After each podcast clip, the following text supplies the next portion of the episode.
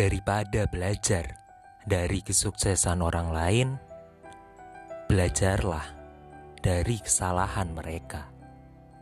Sebagian besar orang yang gagal berbagi alasan kegagalan yang sama, sedangkan keberhasilan dapat dikaitkan dengan berbagai macam alasan.